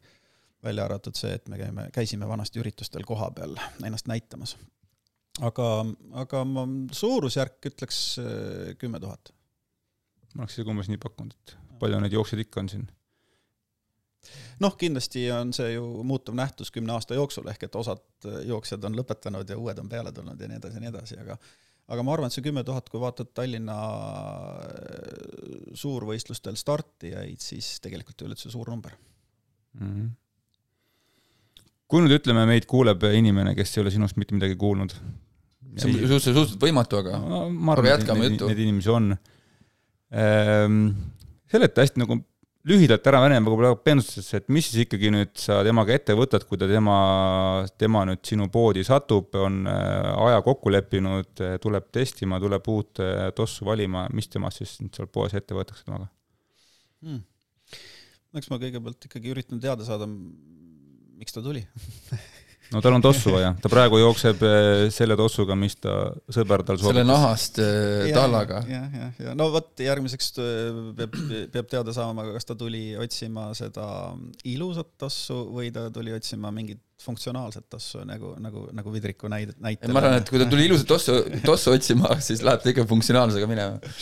et eh, vaata, vahel juhtub küll nii, et ma pean nagu kuidagi poolvägisi mõjutama seda klienti teemal, noh, otsusta nüüd ära, kas on ilu või funktsionaalsus, on ju. oota, aga mõni siis nagu solvub ka täitsa, ütleb, et kuule, ma ta-, tahtsin kollast ostu, sa müüd mulle musta ja nagu e, täitsa võimalik, et solvub. ma arvan isegi täitsa nagu peas, ma isegi kunagi ennast nägin, ma lähen sinna, ma tahan saada selle sini, sini, sinine, ma ei näegi muud, mingit muud värvi, ainult sinine, sinist tossu, tema hakkab mulle mingit punast pruuksi pakkuma eks, eks vahel tuleb ka sõbralikult üritada siis laiali minna. ehk siis mm. kellel on vaja ikkagi kollast tossu, see läheb siis otsib kuskilt omale selle väga, väga ilusa ja väga kollase tossu ja okay, ja, ja kui meil teda ei ole, siis oletame, ei ole. et on ikkagi rahumeelne inimene ja, ja tahab, tahab jooksutossu, millega trenni teha, mis siis saab? no eelkõige, eelkõige peab mul tekkima siis pilt sellest, mis on need vajadused kas vajadus on äh, näiteks äh, turvaline algus, kui ta on algaja, äh, vigastuste vaba nii-öelda esimene aasta näiteks, on ju, mm, seda garanteerida ei saa muidugi kunagi, sest süüdi ei ole ju mitte tossud, vaid süüdi on koormused. aga koormustele vastavus on siis see, see, mida tuleks kuidagi üritada seal ette ennustada, mis ei ole muidugi täppisteadus. Aga see ennustamise protsess on siis noh, ilmselt aitab vähendada seda tõenäosust seda, sinna vigastuseni jõudmisele, kui seal on eesmärk. aga uksest võib ju vabalt sisse hoopis tulla tüüp, kes, kes on ammu treenitud ja tahab lihtsalt naabrimehele järgmisel võistlusel mütsi pähe tõmmata ja tahab omale hoopis nii kiiret tossu kui vähegi võimalik, ükskõik mis hinna eest, eks ole ka see on võimalik, eks ole, nii et, nii et see, millele kellegi fookus on suunatud, tuleb delikaatselt välja uurida. mõnele saad otse nööbist kinni võtta, öelda, et ja küsidagi, et kuule mees, miks sa täna tulid? kui põhjalikult sa seda sisseastuvat klienti, noh, ütleme täiesti uut inimest sinu jaoks, noh, ütleme, kui põhjalikult sa tema, temaga nagu tööd teed, et, et enne kui ta selle, kui sina oled rahul, ütleme, ütleme siis niimoodi, et et kui klient tuleb sisse, see protsess ja siis, kui see klient tossud näpu otsas ära jookseb, ära läheb siis poest, et kui põhjalikult sa ise tahaksid selle kliendiga nagu tegeleda? noh, ütleme siis niimoodi, et ideaalmaailmas langeb see kuhugi sinna poole tunni kanti, kui sa küsid ajaliselt, aga mm., aga, aga see pool tundi võib ju olla tihedat tööd täis või vastupidi, täis sellist noh, niisama mula, onju et, et üsna palju sõltub sellest kliendi meelestatusest ka, kuidas ta uksest sisse astub, eks ole. et äh, ma ei saa inimesi suruda mingisugusesse ühte rööpasse ja sealt välja sülitada sealt masina tagumisest otsast häid tulemusi kogu aeg, eks ole, et see on, see ongi suhtlus, jah. Aga mis ma nüüd öelda tahtsin tegelikult selle pika jutu peale ähm,, ilmselt, ilmselt, ilmselt seda, et, et kõik inimesed ongi erinevad nii et ei olegi väga ühest vastust äh, ühesele protsessile, vaid ähm, see on, see on suhtlus. see on see, mida inimene enda kohta, vahel on ka see küsimus, et mida ta on enda nohta, kohta nõus avaldama. miks, miks mingid koormused näiteks liiga teevad? Kas tal on üks jalg pikem kui teine? pagan teab, neid on nii palju, nii palju variante, et seda, see, see, see, seal ei olegi kindlat mustrit, inimesed ongi niivõrd erinevad ja väga tihti on tulemus see, et mina tõstan käed püsti, ütlen, et nii sügavuti ma ei ole enam suuteline minema. Priidu kaart on siin et, et sügav, sealt, siit tuleb edasi minna koormuste talumiseks, hakata, hakata midagi muud hoopis uurima kui, kui tossuvahetust. ehk siis tossuvahetus ei aita teatud juhtudel, eks ole. tossuvahetus võib leevendada väikeseid nüansse. ma ütlen, need erinevad nüansid, kui palju on osakaalus seda, et inimesel on ma ei tea, näiteks siis, toome näiteks siin kõrge võlv või, või, või, või lampi alg versus vigastustest tekkinud, ma ei tea, erinevad mingid kukkumised või mingid väsimusmurrud või kui palju nagu nende osakaal, et, et millest pead sina nagu soovitajana lähtuma? ma isegi ei oska öelda, ma ei oska kunagi ennustada, et järgmine inimene, kes on äh, omale testiaja kirja pannud, et äh, millise, millest, milliste muredega ta uksest sisse astub? kumb nagu rohkem, kui ro-, kumba nagu rohkem on, et kas inimene on nagu just nagu endale juba liiga teinud, millegagi, mitte noh, ilmtingimata joostes, või see, et tal on kaasa tulnud juba mingid erisused? Äh, noh, ma ütleks, et ühtlaselt jaotub see vist, et on ettevaatlikuid inimesi, kes äh, tulevad pigem nagu ennetava mõttega, eks ole, et nad on kuulnud juba, et et selleks, et turvaliselt treenida, tasub tööriistad vali, valida võimalikult turvalised näiteks. ja on tüübid, kes on juba endale haiget teinud suvalises ähm, lähenemises. Ükskõik siis suvalises selles mõttes, et nad on koormustega mänginud täiesti meelevaldselt või või, või neil on siis tööriistad, ehk siis jooksujalanõud on täiesti meelevaldselt valitud kollased mm. et, et ähm, see, need, need nüüd, need detailid jaotuvad ikka, ma ütleks, et täitsa ühtlaselt. inimesed ongi erinevad. selles mõttes on päris hea jah, et äh, kuidas meil omavahel see suhtlus käib äh, niimoodi, et äh, on mingid osa inimesi, kes oma põlvevaluga tulevad füso juurde ja ma ütlen neile, et üks osa ravist on õige jooksutoss ja saadan ta sinu juurde, ütlen, et mina ei oska sulle öelda, mis toss hetkel üldse on seal leti peal müügil ja mis on head sinule, et sa pead endale tossu ostma, selle tossuga sa pead siis jooksma hakkama, mis sulle Tarmo välja sulle on nagu otsinud ja see on üks osa sinu ravist. ja asi siis toimub ka nagu vastupidi, et kui põllevaluga inimene satub sinu juurde, siis ütled ka, et noh, et toss võiks, võiks olla see ja kui põllevalu ära ei lähe, siis tuleb minna Priidu juurde. just kusjuures täna tuleb eh, üks äh, huvitav juhtum, mingi see see labajala vend lõpuks jõuab ja kui sul on meeles see, kes ostis ja jooksis ja valutab ja mingi, see on päris, kes vaatab, mis tast siis, mis tast saab. no ei ole mingisugune, ühesõnaga kõne järgi ei ole mingisugune lihtne juhtum no tavaliselt jah, need, need, kes, keda ma edasi saadan, need ei ole lihtsad juhtumid, see, see tähendabki seda, et minu, minu mõistus hakkab, hakkab seal nagu noh, piiratuks osutuma siis, eks ole, või kogemus aga seal ei ole seda, et, et sellistel erijuhtumitel ei olegi jooksmine üldse mõistlik tegevus? enamasti mitte. kusjuures üldjoontes ei tule see, ei tule see sellest, et me jookseme, üldjoontes tuleb see sellest, et kui tihti me jookseme, kui palju me jookseme, mis tossuga me jookseme ja mis seisus on meie keha enne, kui me jooksma hakkame et kui võtta väga lihtsalt niisuguse lause, et äh, mul põlv valutab sellepärast, et ma käin jooksmas, siis see on vale. niimoodi ei saa keegi väita. Kui keegi niimoodi väidab, siis ta ise on veits rumal ja ta võib-olla otsib vabandust, miks mitte jooksma minna ja tegelikult ta ei peagi minema jooksma, kui ta ei taha minna. ühelt maalt võib-olla see ongi vältimatu, on ju. jah, aga, aga ma arvan, et ei saa, ei saa sellist asja väita, et kui inimene tahab joosta, siis tänapäevaste vahendite võimaluste asjadega on võimalik igasugune inimene jooksma panna ma ei, küll ei näe, et, et siin mingi probleem, loomulikult kui on tõesti mingid noh, suured-suured vigastused, asjad, siis loomulikult ei saa, aga neid juhtumeid on ülivähe. pigem, pigem nagu saab. jah, et see pool tundi meie juures on vahel enamikus täidetud motiveeriva jutuga teemal, tuleb ennast jooksmiseks paremini ette valmistada. et muidu on tõesti raske jooksma jääda, sest et äh, noh, mingi, mingid ketinõrgad lülid takistavad. Et noh, ma selle kohta tavaliselt ütlen ka niimoodi, et, et tihti taastusravi võib võtta ka, et targem annab järele.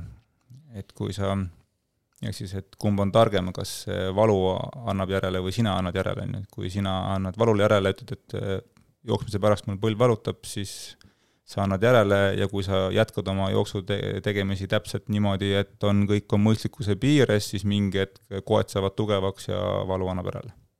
ja nii, nii, nii tegelikult lihtne see loogika ongi. Aga lähme korraks edasi, sul on testimiskeskuses ka jooksulinte, mis rolli see seal mängib? eks ta eelkõige täidab seda rolli, et seda inimest siis jooksmas näha muidu on vähe, veidi keerulisem hinnata seda, mida, mida see inimene ennast jooste, joostes ette kujutab, eks ole. et, et lihtsalt näha teda jooksmas ja noh, muidugi segab kaarte see, et paljud ei ole harjunud lindil jooksma. aga see on siiski parem kui mitte midagi. Et sealt ikkagi tuleb oluline info, on ju? kuidas ta see, sealt tuleb olulisi infokilde sellesse kogu puslesse, jah. et, et hinnata selle inimese seisu. ja selle seisu hindamine siis omakorda viib siis nagu tööriista valikuni. ehk siis jalatsi valikuni. et siis lõpuks saab inimene, kes seal lindi peal ka siis proovida erinevat ossa, on ju? Jah, sest et eh, kui ühest küljest võib pidada testimiseks siis eh, seda, et mida mina inimeses otsin, ehk et testin inimest eh, võib ju nimetada testimiseks, aga kindlasti saab nimetada testimiseks samas protsessis ka seda, et mida inimene soovib tunda jooksu-jalanõus. mida ta soovib tunda, kuidas see mugavus on, kuidas kand hoiab, kuidas varbad ennast tunnevad, milline on pehmus tallal ja ka seda peaks jooksu-jalanõu puhul tunnetama just joostes. sest et äh, joostes mõjuvad need jõud, mida sa päriselus hakkad seal pärast tundma, ehk siis kui sa oled selle tossu ära ostnud ilma jooksmata Eh, siis on sul päris palju üllatusi alles esimeses trennis, eks ole. aga kui sa oled neid tosse saanud joostes võrrelda, ehk siis sina oled tosse testinud, siis äh, on äh, tõenäosused ju palju paremini paigas, et sa lähed ära esimesse trenni juba selle tossuga, millega sa rahul oled. mul on seas selle nii et sellel, sellel lindil on siis nagu kaks funktsiooni tegelikult. mulle selle testimise juures see meeldib jah, et ma just, just mingi paar kuud tagasi äh, läksin jälle Sa-, Saukoni peole korraks, sest et Saukon tegi ühe uue väga hea mudeli. Ja ma testisin siis seda ka jälle seal lindi peal niimoodi, et mul oli siis ühes jalas üks toss, teises jalas teine toss ja, ja siis sa saad nagu eriti hästi veel aru, et äh, kuidas, kuidas siis üks toss nagu väga hästi juba töötab sinu jaoks ja teine ei ole ka halb, vaata, noh, sa, ega sa senikaua ei tea, mis on nagu väga hea, kui ta pole su jala otsas olnud, on ju, et sa võid, ma võiksin selle endise brändiga edasi joosta, tegelikult midagi ei juhtu, ma arvan, et mul ei teki vigastused ja kõik on hästi, aga kui sa saad ühe veits nõks jälle parema jala otsa, sa tõesti saad sellest aru seal jo-, joostes, olles siis ühes jalas üks toss, teises jalas teine toss, siis hakkad sa aru saama, et tõesti on see vahe sees. no vot, sina räägid praegu kogenud venna tasemel eks ole, sina räägid kogenud eh, jooksja tasemel eh, tossude võrdlemisest, aga, aga kui rääkida algajaga, siis temal see võrdluskogemus puudub, eks ole, tema võtab seda suhteliselt võib-olla nulli lähedalt, eks ole, selle kogemusega. Eh, ma, mulle meeldib seda vahel võrrelda veinipoega ehk siis eh, kui uksest sisse, ma ju ei saa aru, kes uksest sisse astub, eks ole, näo järgi ei pruugi kõiki, kõiki ära tunda, kas ta on, eh, kas ta on algaja veinisõber või juba kogenud eh, nii-öelda tüüp, eks ole. või kes, või ta on algaja ja teeskleb kogenud. no näiteks, on ju, aga, aga, aga, aga see on hästi lihtne võrdlus, et, et ühe mehega räägid sa teemal siis veinipoes võib-olla teemal, et vot see juust sobib selle veiniga, sest see tammine nüanss rõhutab seda, eks ole, ja kõik noogutavad kaasa ja on rahul selle vastusega, eks ole. ja siis tuleb teine tüüp sisse uksest, kes ütleb, et tead, mul on savi, kas see on valge või punane vein, peaasi, et kui ma korgi lahti teen, tuleks mõnus lõhn ja, ja teeks purju, onju. Mm.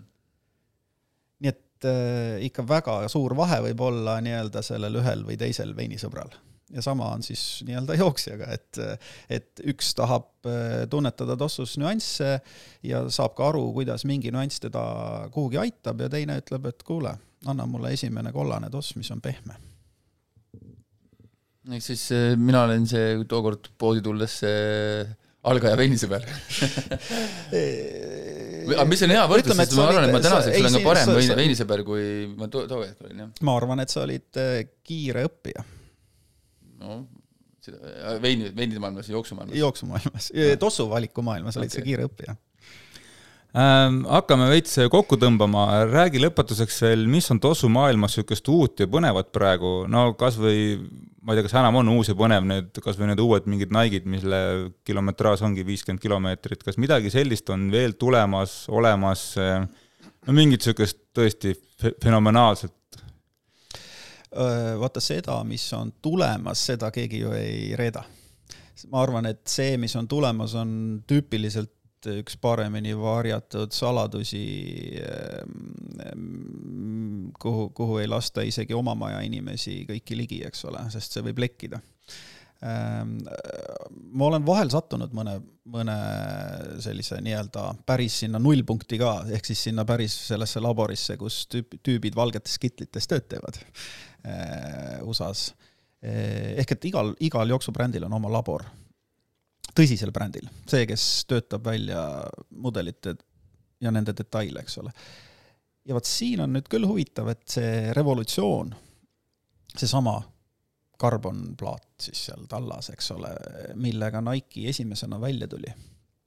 see revolutsioon on tõesti, vot siin võib öelda küll, et see ongi revolutsioon, see on selline, mida, mida tahaks, et juhtuks iga aasta, aga võib-olla juhtub kord kahekümne aasta jooksul.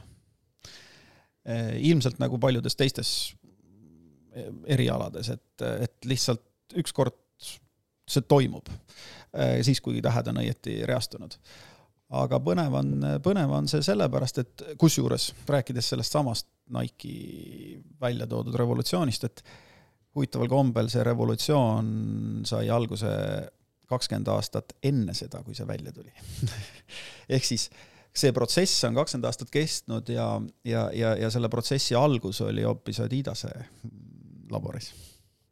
et, et kakskümmend aastat tagasi Adidase laboris tehti kõik need katsed ära, et, et selline jalats välja tuleks nagu praegu siis revolutsioon lõpuks turul oli, aga see, aga see ei osutunud, see ei osutunud kasutus, ta ei osutunud kommertslikult kasutuskõlbulikuks.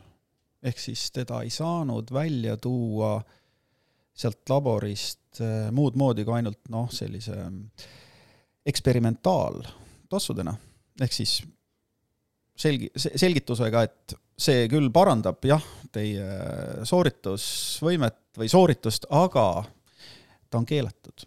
ehk siis eh, eksperimentaaltossud on, on olnud keelatud ja on ka edaspidi keelatud. ehk et see on ebaaus konkurents ehm, joosta eksperimentaaltossudega. tohib joosta ametlikel võistlustel ainult nende tossudega, mis on eh, laialdaselt müügis ja laialdaselt saadaval ja siin oli siis murdepunkt, kus Nike tegi selle ära. Nike tegi seleta natuke eksperimentaaltossu, mis, ma oleks nõus maksma selle eest, et oma e, jooksusooritus nagu kiiremaks ajada. ma arvan, et see on, see on umbes, see on umbes sama põhimõte, et e, pro, pro, pro tuuril tohib sõita see jalgratas, mis on rattapoes müügil sama asi, et seal mingisugust ulmet ei saa olla. just, et ebaaus konkurents on kergejõustikureeglites sisse kirjutatud, ehk siis ebaausa konkurentsi eelise keelatus. et ei tohi joosta tossuga, mis on mehe järgi tehtud ja mis ei ole vabalt müügis. nii et, äh, nii et kõik need katsetused tehti juba kakskümmend aastat tagasi, selgitati, mis toimib, miks toimib, kuidas toimib ja see toimus siis sellise mehe nagu Benno Niig äh, käe all. tema oli selle revolutsiooni isa, mis siis täna, millega täna kõik jooksevad. Äh, ja selle venna, aga ta on juba vana mees, ja selle venna õpilased selles samas laboris, kus nad kõike seda toimetasid, tema õpilased levi-, levisid üle maailma erinevate jooksubrändide laboritesse. ja üks istub meil siin täna? ei, mina ei olnud tema õpilane, mina olen kuulanud teda, teda rääkimas. aga, aga siis eh, üks tema, vähemalt, vähemalt üks tema õpilastest siis eh, Nike'is tegi selle asja lõpuks ära. kas see võis see seos ka olla, et kakskümmend aastat tagasi ei olnud sellist harrastussportlaste baasi, mis on hetkel ja tunduski ebareaalne panna niisugune carbon lease müügile, et kes seda üldse ostaks? Noh, jah, ega mm, alustades sellest, et äh, oi, siin on nii palju juttu veel, mehed ei saagi lõpetada saadet. ei, me võime, okei okay,, paneme edasi siis et, et kõigepealt see, et, et põhijäreldused, mida seal juba kakskümmend aastat tagasi saadi teada, oli see, et selleks, et selles karbonplaadiga nagu varustatud tossumaailmas üldse tekiks see eelis, peab ta olema väga täpselt mehe järgi tuunitud. Ehk siis kaalud ja kõik see mingi... kaalud, maandumisasendid, tõukeasendid, et saada maksimum kätte sellest tossust ja sellest karbonplaadiga toestamisest, siis, siis peab olema kõik väga hästi välja mõõdetud ja, ja see neli protsenti tulemuse parandust tegelikult tuligi. aga ta tuli mehepõhiselt. see oli eksperimentaaltoode konkreetsele mehele tehtuna. ja edasi oli küsimus, et noh, et kuidas siit edasi minna, reeglitest üle ega ümber ei saa, ega sa ei saa mm, väita, et see on masstoode, samas kui see ei ole masstoode, eks ole. ehk siis ähm, sinna see jäi, sinna see jäi, see läks sisuliselt sahtlisse, kogu see projekt, sest et ta ei saanud äh, kommertslikult edukaks. üritasid, nii Adidas kui Fila olid kaks brändi, kes üritasid sellega kommertslikult edukaks saada, aga ei saanud. Ja noh, vot seal siis tuligi mängu see, et esiteks on seda nii kallis toota, teiseks äh, ei, ei tööta see kõigi meeste jalgade all või naiste ja, ja äh, katsu sa kakskümmend aastat tagasi ette kujutada, et sa küsid tossu eest kolmsada eurot. sa ise, sa ise praegu viisid mind selle küsimuseni, mida ma algul äh, tahtsin küsida, siis ma mõtlesin, et ma ei küsi, ma nüüd küsin ikkagi ära. Ähm, võistledes siin jooksuvõistlustel Eestis ja ka triatlonivõistlustel Eestis ma näen, millega inimesed jooksevad. ma näen, kuidas nad jooksevad ja, ja loomulikult, kellel raha on, siis ma näen neid, neid häid karbontallaga tosse, ma näen inimeste jalas, aga ma ei näe, et nad nende jalas töötaksid. et see on kohati kurb vaadata, kas või siin hiljaaegu Tartu linna, linnamaratonil äh, vaatasin ühte venda, noh, kes põhimõtteliselt, see oli nii äh, üle broneeritud ta tema jalas juba, et tal põhimõtteliselt kannas ise küll puudutas asfaltteed ja kui ta ise arvas, et see tost teda kuidagi aitab, siis tegelikult see ei aita. Ja, ja ka triatloni ma olen näinud, kuidas need niisugused siis nii-öelda, ma nimetan neid siis Uber bikeriteks, kes on siis no niisugused rohkem reielihastega vennad, on ju, üritavad siis sealt äh, mingisugust põrget kätte saada ja nad tegelikult ei saa sealt mitte midagi kätte ja see on kohati kurb vaadata, kuidas siis lihtsalt põhimõtteliselt seda tossu nagu tallatakse vastu maad. ja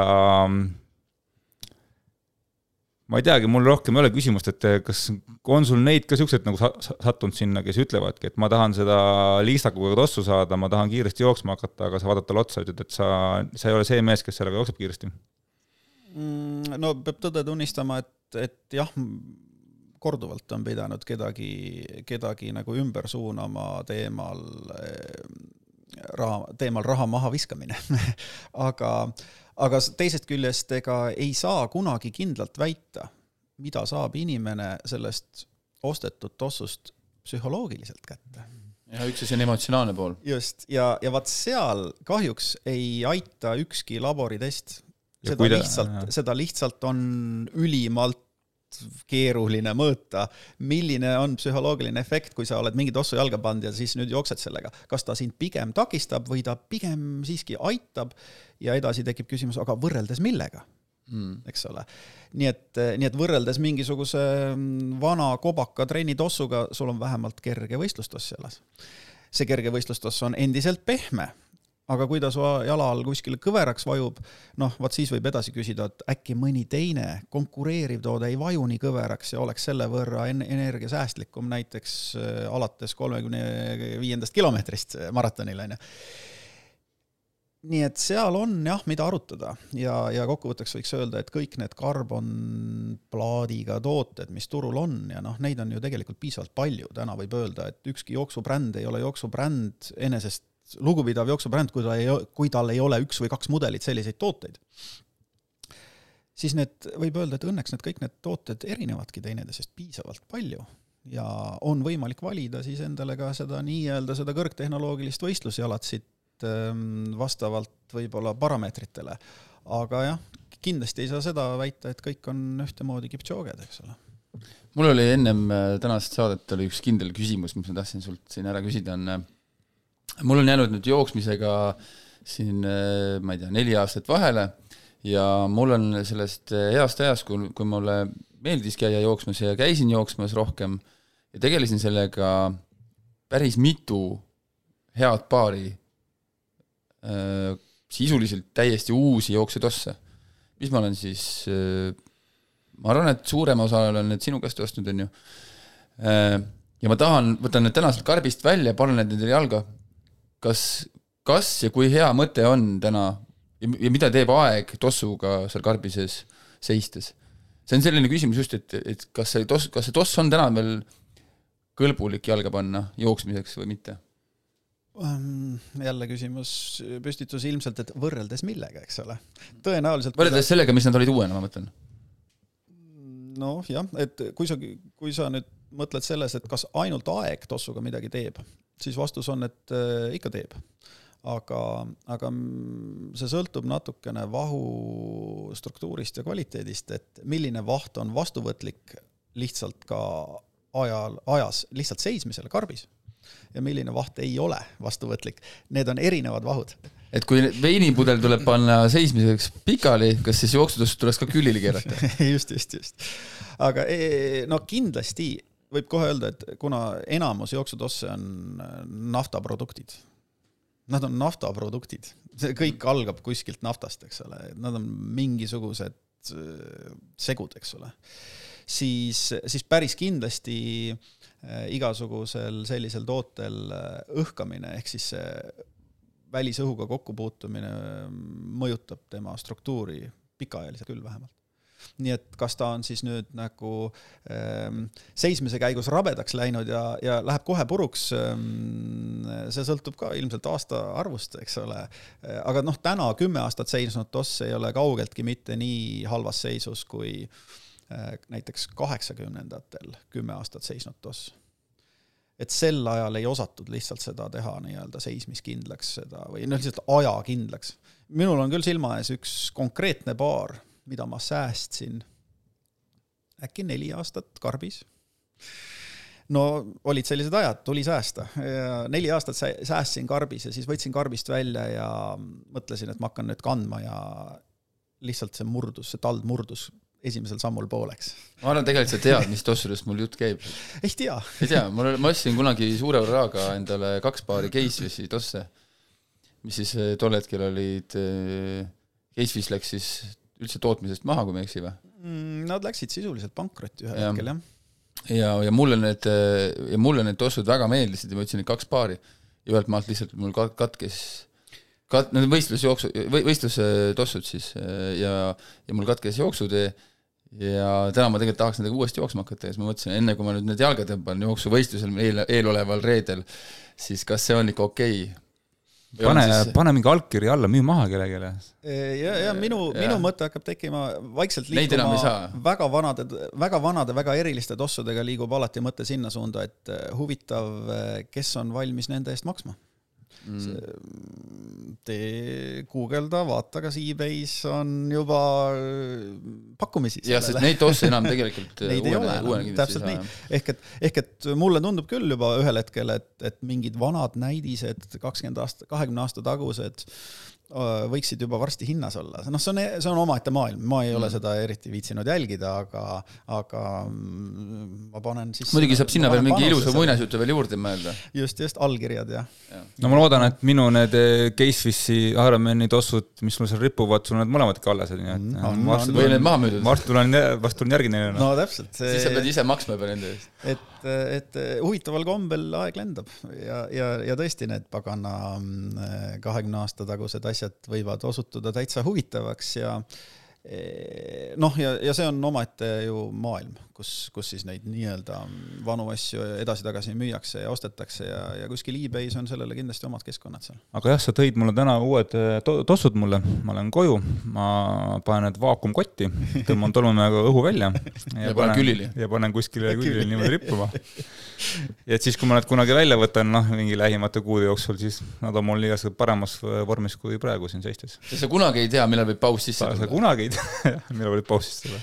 No ei, lihtsalt selle pausi jooksul toimub vaata pidev areng, nii et noh, sisuliselt võib öelda seda, et, et, et kas su vanad tossud on endiselt veel piisavalt kaasaegsed lihtsalt, eks ole ähm,. aga, aga, aga noh, kui sa vaatad ennast kui, kui arenevat äh, inimest, siis, siis ka seal toimub areng või taandareng või, või mis iganes areng, on ju. nii et alati võib küsimus olla, et kas täna võib olla sinu jaoks mõni, mõni optimaalsem, parem valik, noh, jään vastuse hetkel võlgu, aga, aga kui see varasem valik, see kümne aasta tagune valik näiteks, on olnud sulle sobiv, siis ega sinna automaatselt risti peale ei ole vaja tõmmata. ikkagi jah, kolm-neli aastat, neli aastat tagasi. nojah, no jah, et ühesõnaga ega, ega, ega ta sulle ebasobivaks kohe ei muutu, alati võib lihtsalt küsida, kas midagi võiks veel sobivam olla. Eeldades, et sa nüüd teed uut algust, uut tulemist. jah, tegelikult oli see jutu mõte oli see, et kui ma neid veel kandnud pole, siis ma jaa, ütleks, et mulle ei sobinud, ma toon tagasi. no selle üle me saame ka alati arutada, sest et, sest et võib-olla ma panen ise nad siis sinna e-base'isse, eks ole kas seda üldse esineb palju või? et sinu juurest välja astuv inimene on saanud väga teadliku tossu valiku ostu ja tuleb tagasi nädala pärast, ütleb, et kuule, üldse ei sobinud? On aeg-ajalt juhtunud küll selliseid, et inimese ootustele see siiski ei vastanud, see toss, mida ta meilt ostis mm,. sest noh, ega ta, ega ega, ega, ega me keegi ei ole ka nagu kindlustatud vigade eest, eks ole. aga vot siin ma pean küll ütlema, et see hetk, kui ma olen kahetsenud seda tagantjärgi, et ma kellelegi olen sellise tossu nii-öelda üle leti ulatanud, on, sellele on pigem eelnenud protsess, kus inimene on astunud uksest sisse ja öelnud, et mul on viis minutit, anna mulle tossud Äh, mul on viis minutit ja ma tahan uksest välja minna. ja siis ma olen olnud kõhkleval seisukohal, kas ma üldse peaks talle mingid tossud müüma või ja siis äkki ma olen endale lohutuseks leidnud mingid parameetrid selle viie minuti jooksul sellest inimesest, et ma olen tõesti talle need üle leti ulatanud, need tossud, ja vot need hetked on tavaliselt siiski lõppenud, ütleme siis nüüd tagantjärgi see, mida sa kirjeldasid, et keegi ei ole rahul sellega, et need tossud ei vasta tema ootustele, on, sellel on pigem midagi sellist eelnenud. ehk siis väga halb ostuprotsess.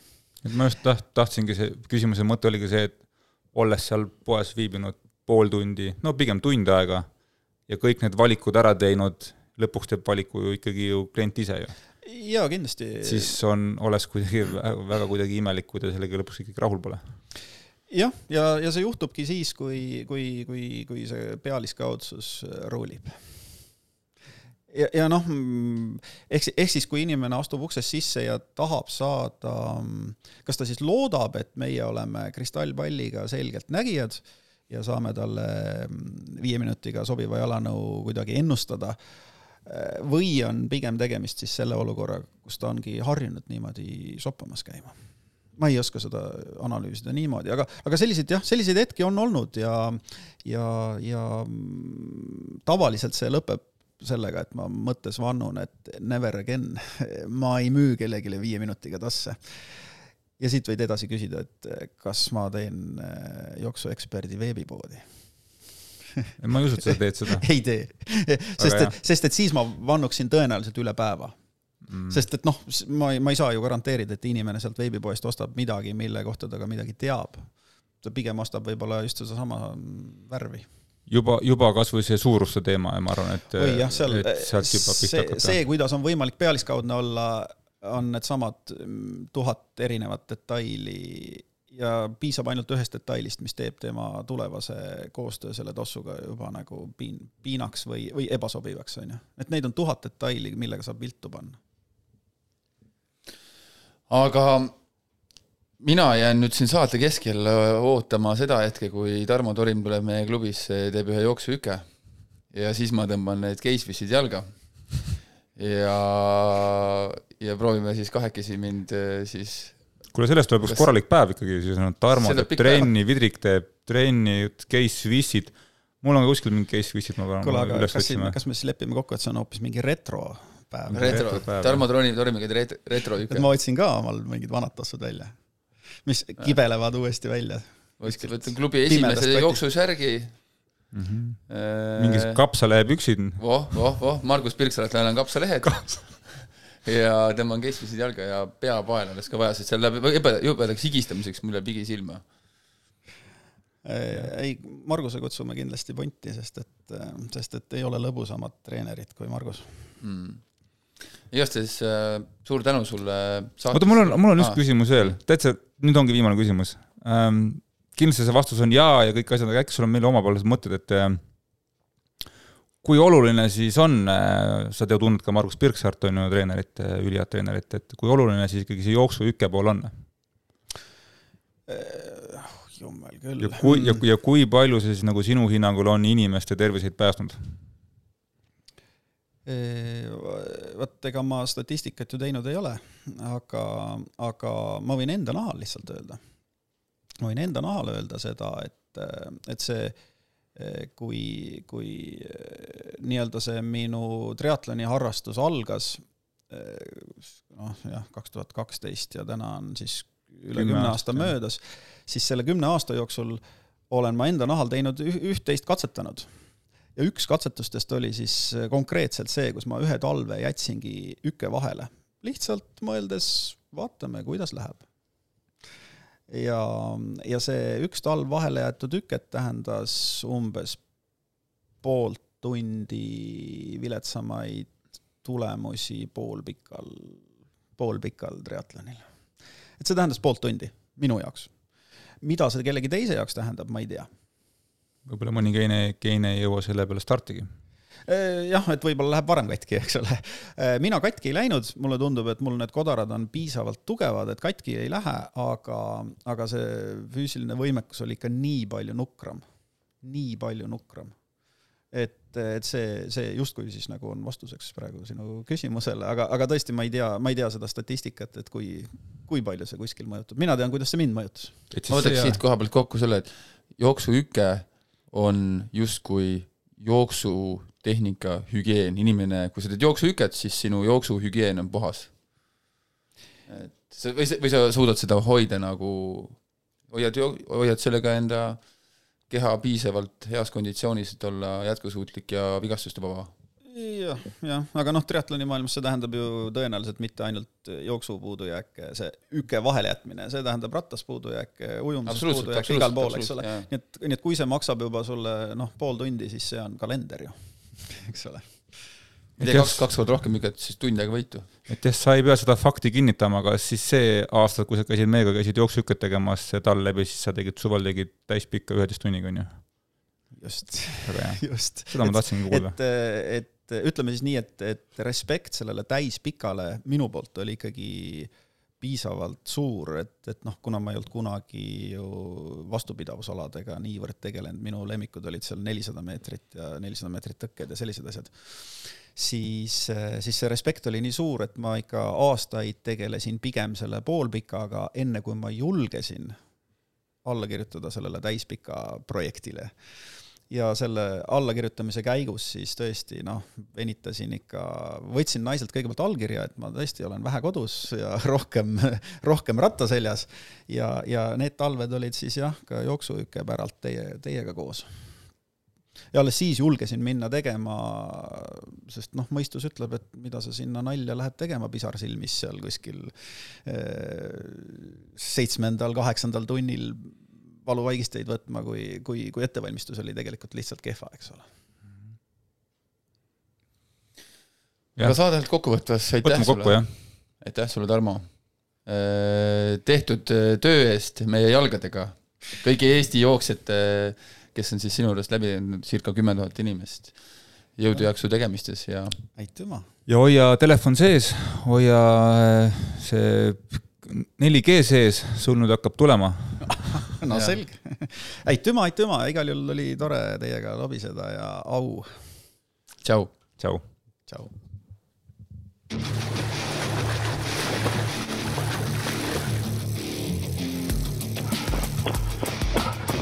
Savise mulju peseb pats on okei okay.. no jaa, kuule, jõle piinlik on, tule maha ära. homme jõuad puhata